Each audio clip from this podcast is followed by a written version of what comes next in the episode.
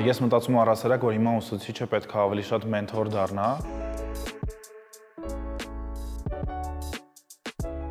չկան անհետաքրքիր գիտություններ։ Կարող է հույզերից խոսալը, ուսուցչի կարծիքը չէր կարելի հարցականի տակ դնել։ Գիտելիքը շատ մեծ հնարավորություն է։ Հիմա կարճի ժամանակահատված է, սկսած Instagram, TikTok մեզ օրեցրել են շատ արագ ժամանակահատվածում դինամիկ որևէ բան տեսնելու ու դինամիկ ընկալելու ամեն ինչ։ Դրա համար անհամաձայնությունը հենց առաջին կետում տեղից է գալիս, որ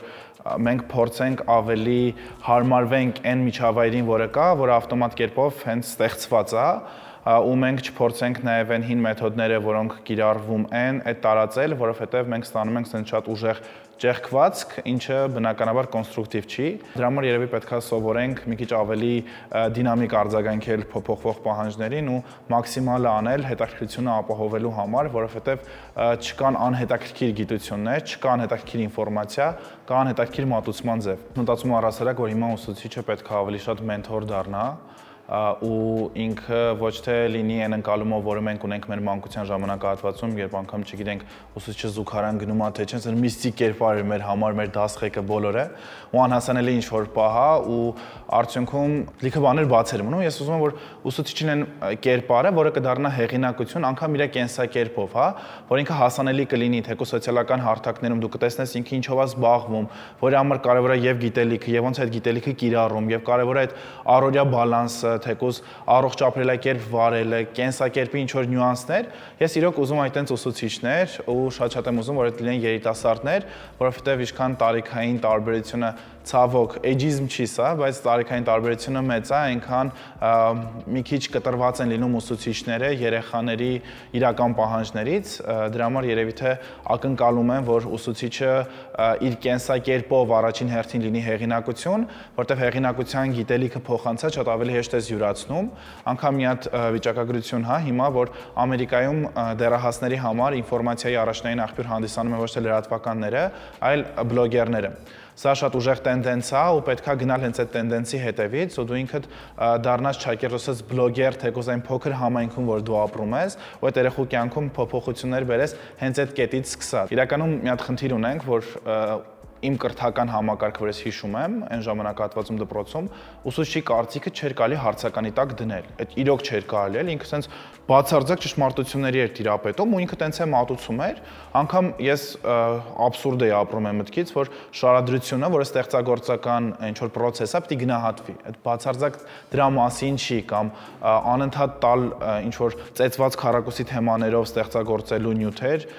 այդ մենք անընդհատ անում ենք ու որևէ կերպ չի զարգացնում ստեղծագործելու կարողություն ու մյուս կողմից մենք վախենում ենք կամ վախեցնում ենք երեխային լիքը հասարակ երևույթներ հարցականի տակ դնել մեր համալսարանում մի հատ շատ լավ տենց դեպք եմ հիշում, դասախոսը մտավ, ասեց, մենք այսօր խոսելու ենք կոռուպցիայի դրական կողմերի մասին։ Մենք հենց կոռուպցիային վերաբերվում որպես բացասական երևույթ, չէ՞, բայց մենք հենց այդ օրը հասկացար, այս շատ լավ մեթոդ է միշտ կարանք ցանկացած երևույթ իրան ռադիկալացնենք, ծայրահեղացնենք, դնենք մի հատ լավ կողմում, մի հատ դենք գերվատ կողմում ու փորձենք մեր համար արգումենտներ ստեղծել ու համեմատել։ Ես մի հատ մեծ ցանկություն ունեմ, որ ուսուցիչները երեխաների հետ ոչ մենակ շատ գիտելիքից խոսան, այլ հույզերից շատ խոսան։ Կարող է հույզերից խոսալը որտեղ մենք առհասարակ սովոր չենք էլի մեր հույզերը բարձրաձայնել, ինչ ենք ապրում, ինչ ենք զգում։ Դրա արդյունքում դպրոցում բուլինգն է շարունակվում, լիքը երեխաներ չեն սովորում, որտեղ իրանց համար դպրոցը այդ հաճելի միջավայր չի։ Ու իրանք անգամ չեն բարձրաձայնում, թե ինչի հաճելի չի։ Դրա համար շատ-շատ կուզեի, որ առաջին հերթին մեր ուսուցիչները էմոցիոնալ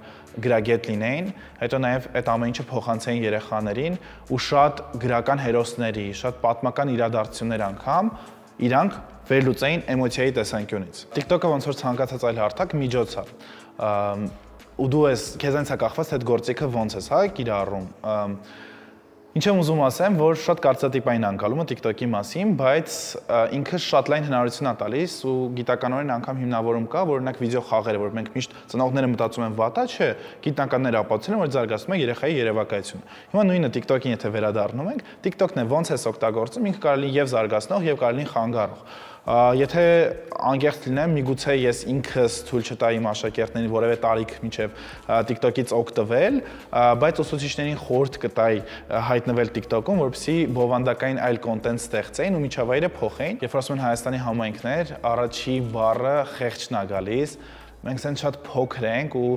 այդ փոքրությունը ավելի է փոքրանում է մտածելակերպով են հնարավորություններով, որը ցավոք մեր համայնքներում բացակայում է։ Մենք ազգովի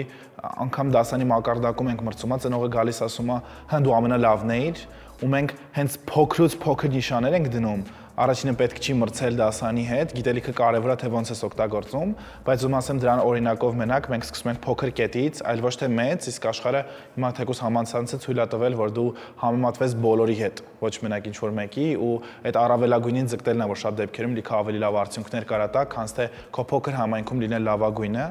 Իսկ հիմա մեր համայնքներում ես պատկերացնում եմ նաև այն մտածելակերպերի տարբերությունը, որը շատ երկար ժամանակ է պետք որ ինքը անցնի, երեխաները կարողանան ավելի ազատ դուրս գան այդ քարակուսիներից, ցավոտ այդ իրողություններից, հա, որ ոչ թե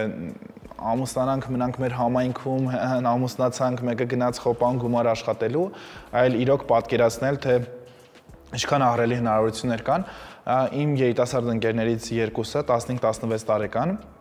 ապրելով Թալին համայնքում, իրանք ամսական աշխատում են 600.000 դրամ, ու հիմա այդ շոկ էր, որտեվ ես այդ տարիքում ես չգիտեի ինչ թիվ է, իսկի չէի կարող պատկերացնել, բայց այս այն օրինակն է, որ ուզում եմ ասեմ, որ անգամ փոքր համայնքում մեկա հնարավորությունները շատ-շատ են, որտեվ մենք ունենք մի հատ sense gadget, որը մեր ձեռքի տակ է, ու կարա այդ սահմանները կտրուկ բացի ու դու անցնես դրանից առաջ։ Հիմա շատ-շատ են ֆինանսական ծրագրերը, որոնք օգնում են մարզային երիտասարդներին որևէ բիզնես հիմնելու հենց իրենց մարզում ու շատ դեպքերում ասում, բայց ես խեմ Երևանում ապրում, Դրա համար կուզենամ այդ ռեսուրսներից մաքսիմալ օգտվեն իրանք։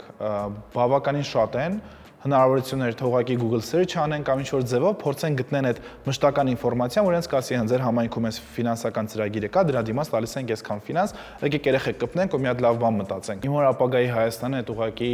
հնարավորությունն է ինքնարեալիզացման, այսինքն երբ որ հասել ենք մի վիճակի, երեխաները չեն մտածում խաղաղության մասին ու առաջի բառը իրար մաղթելուց խաղաղությունը չի լինում, այլ իրան գտել են հնարավորություն սեփական մտքերը ինչ որ ձև ռեալիզացնելու։ Ես կուզեմ որ մեր պստոներն էլ իրանք նաև հասկանան, որ գիտելիքը այդ շատ մեծ հնարավորություն է ու իրոք հաջողում է այս կյանքում են մարդը, ով ունի գիտելիք ու անկախ նրանից իրենց դպրոցի պատերը սիրուն են, սիրուն չեն, կամ իր դասանում ինքը լավագույնն է սովորում կամ հակառակը, մեկը համացանց կա ու անգամ հայալեզու նյութերն են շատ-շատ, թող իրանք լինեն հենց իրանց համար նախաձեռնող, որ վсё, չէ, ես չեմ ուզում այս կենսակերպը, ես ում չեմ ավելի լավ պայմաններ, ես ում ավելի շատ հնարավորություններ, որտեղ իրանց շատ դեպքերում իրանցից է կախված։ Իմ երազած Հայաստանում մարդիկ ծայրահեղ հանդուրժող են ու իրանք պատրաստ են տեսնելու բազմազանություն բոլոր առումներով՝ մտքերի, գաղափարների, տեսակետների, արժեքների, ու իմ երազած Հայաստանում մարդիկ շատ ավելի մեծ տեղ են հատկացնում կրթությանը, քան հիմա։